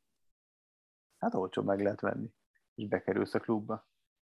Olcsón Aha. egyenlő évi 250 millió dollárt. Hát, jó, de hogyha valaki szerintem szarból is tudnának várat építeni azok az Andretti, hiszen elképesztő know rendelkeznek, és egy, egy tőzsgyökeres, hát, tradicionális versenyzői család, úgyhogy így van, meglátjuk.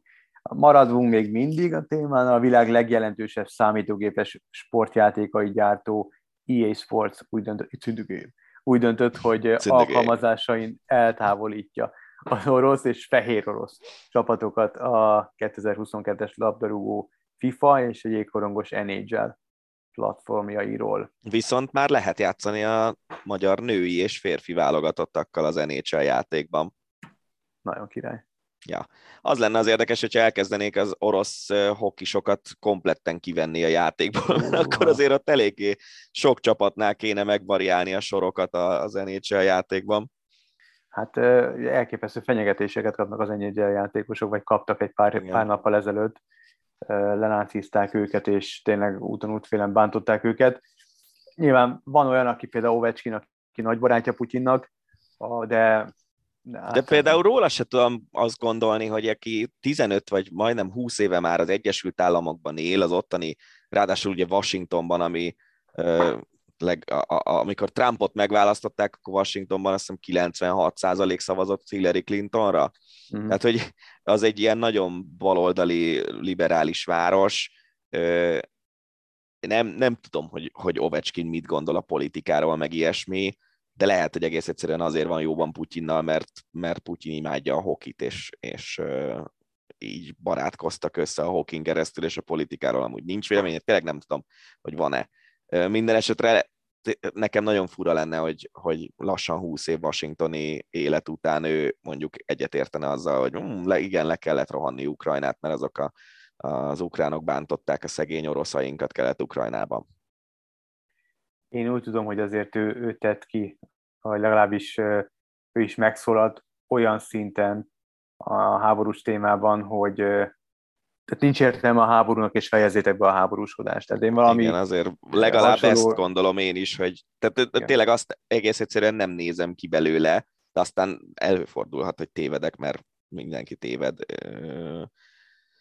Nem nézem ki belőle azt, hogy, hogy ő háborúpárti legyen, miközben Washingtonban él. De mindegy, meglátjuk, hogy... Hát az Instagram csatornán nem jelent meg semmi, úgyhogy... Ja, igen, én is azt nézem. Én. Sőt, Hát figyelj, ha az Alexander Ovechkin official az ő oldala, akkor az avatar képje az Vladimir Putyinnal egy kép. Igen, igen, igen, ez így oké. Okay. akkor, hát ez kemény. Hát de lehet, hogy ez az avatar képe már 8 év, ezért elég lehet. régi képnek tűnik. Hát nem tudom. Na mindegy. Nem, nem, de mindegy is, igen. Nem foglalunk állást. A Tyson Fury viszont az első lesz, aki elmegy és harcol, hogyha megtámadja Putyin a NATO tagállamokat. Azt imádom ezeket a híreket. Kemény, nem? ezt, ezt, én ezt élőben láttam, tehát ő ezt lenyilatkoztatta, megszólalt. Tudom, tudom, tudom, tudom, tudom, tudom, tudom, hogy ezt ő mondta, nem? Azt imádom, hogy érted, Angliából azért rohadt ja, azt persze, mondani, hogy én leszek az első, majd megyek igen, Ukrajnába. Igen. Azért persze, azért, hogy mész. Nem akarom megnézni, mert az azt jelenti, hogy a óriási baj van, így sem kicsi sajnos, de, de reméljük, hogy nem kerül erre sor, mert akkor, akkor Na mindegy. Szóval előbb, előbb jut el az orosz hadsereg Magyarországra, mint Angliába, erre gondolsz, gondolom. Igen. Keddi határidőig nem sikerült megállapodni az Észak-Amerikai Profi Baseball Liga, más MLB vezetőségének és játékosainak az új kollektív szerződésről, így biztosan nem indul el 31-én, március 31-én az idei szezon. Hírek szerint a tárgyalásoknál a szabadügynök piac szabályozása, a rájátszás létszámának bővítése, luxusadó illetve a játékosok minimálbérének a kérdése szerepel a főbb vitább kérdés, vitás kérdések között. Magyarul minden pénzügyi kérdés a főbb vitább kérdés. Így van, így van. Vitás kérdések között szerepel. A játékosok maguknak szeretnének több pénzt, a tulajdonosok meg maguknak. Ja, a rajongók pedig vannak szarva. Meg a szegény kommentátorok. Úgyhogy LeBron James 37 évesen, 19. idényében 56 pontot szólt győztes meccsen az LA Lakers színeiben. Mit szólsz hozzá, Dani? LA Lakers, fast break makers. Óriási, ő a negyedik a liga történetében, akinek sikerült ez a bravúr 56 pont 37 évesen. Ebben olyan zsákolások voltak, hogy az ami elképesztő, döbbenet az, az ember tudod, mi lenne az érdekes? Hogyha végig kéne sorolni azt a névsort. Mert szerintem... Négyet? Aha, mert szerintem kettőt, tehát arra, Jordan, rajta kívül... Kobe. Jordan és Kobe-t azt szerintem sokan mondanák, de hogy Jamal Crawfordnak volt ilyen meccse, arra nem tettem volna egy forintot se. A fiatal csávó az most felöltözne, úgy, hát úgy nem játszana, mint LeBron, de simán elférne szerintem bármelyik csapatban. Az Lehet. is egy ilyen, ilyen vasember. Lehet, de ez, ez meglepett. A Jordan Kobe az nem lepett meg. Azt Igen, hát az Kobe-nak ugye az utolsó meccse is valami horror Valami 60, 64 volt, Igen, nekem is az rémlik, hogy 64. Hát az a meccs, na az, az, azt élőben néztem, mert tudtam, hogy Kobe utolsó meccse, hát az zseniális volt. Ja, az kemény volt. Az kemény volt. Maradunk a kosárlabdánál, egy pikáns ír, letartóztatták Moszkvában uh, Britney Greinert, uh, amerikai kosárlabda játékost, aki a női NBA-nek is osztopos tagja, sőt a jelenlegi talán legjobb női kosárlabda játékos, olimpiai bajnok. A reptéren éppen hazafele ment volna, és a kézi podgyászában hasis olajat tartalmazó vép patronokat találtak.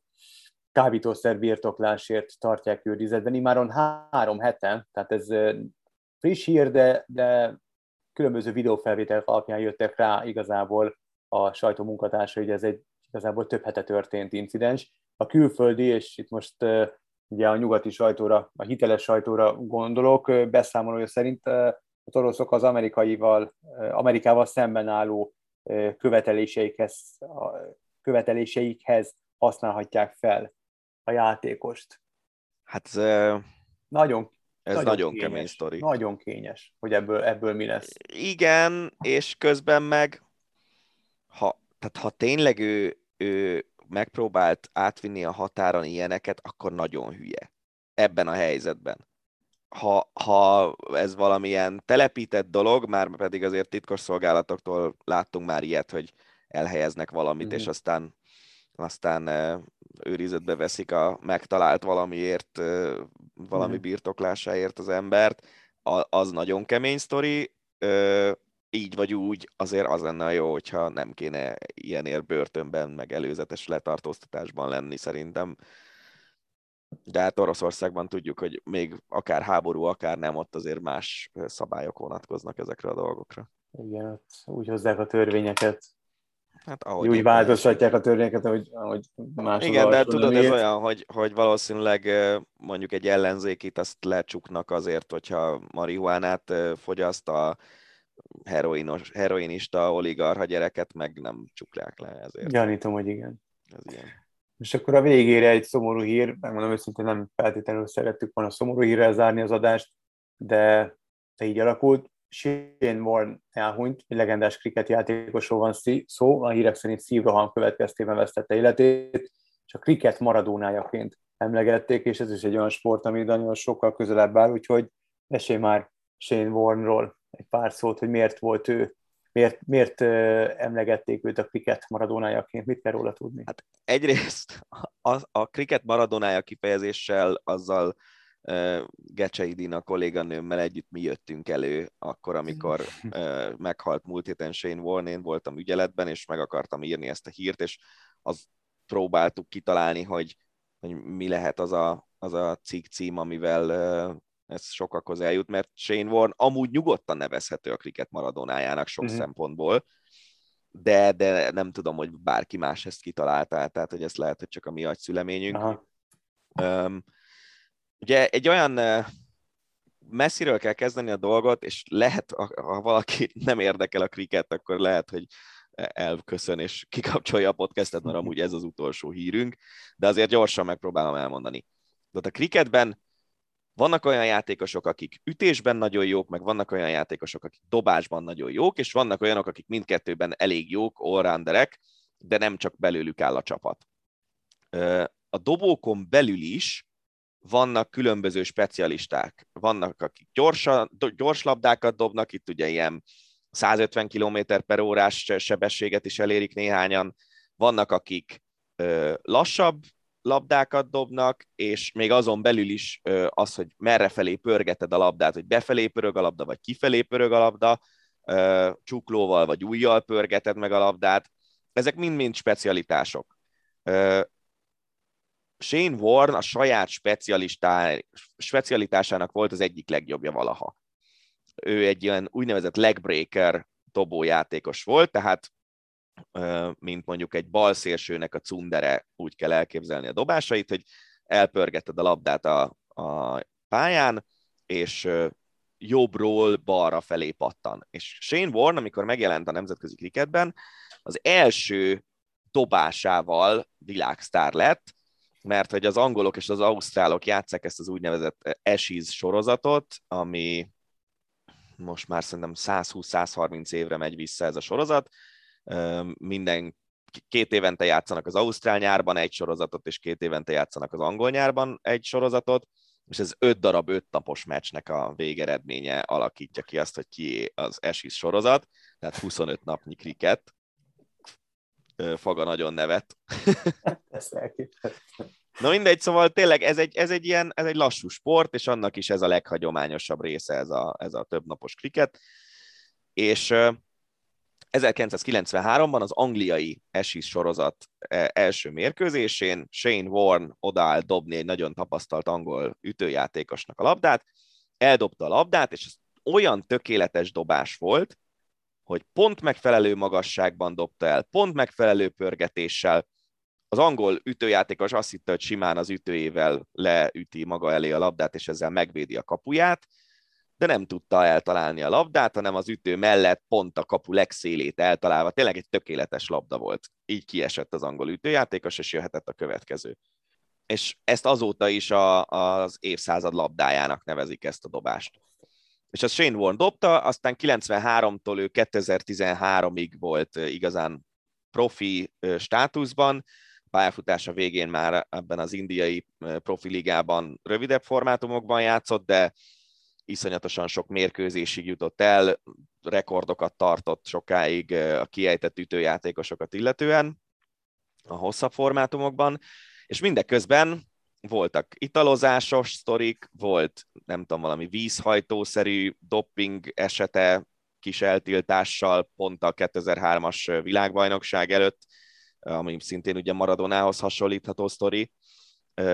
Volt hűtlenség, rossz, olyan, olyan ilyen zaklató jellegű üzeneteket küldözgetett nőknek, amik nyilvánosságra kerültek.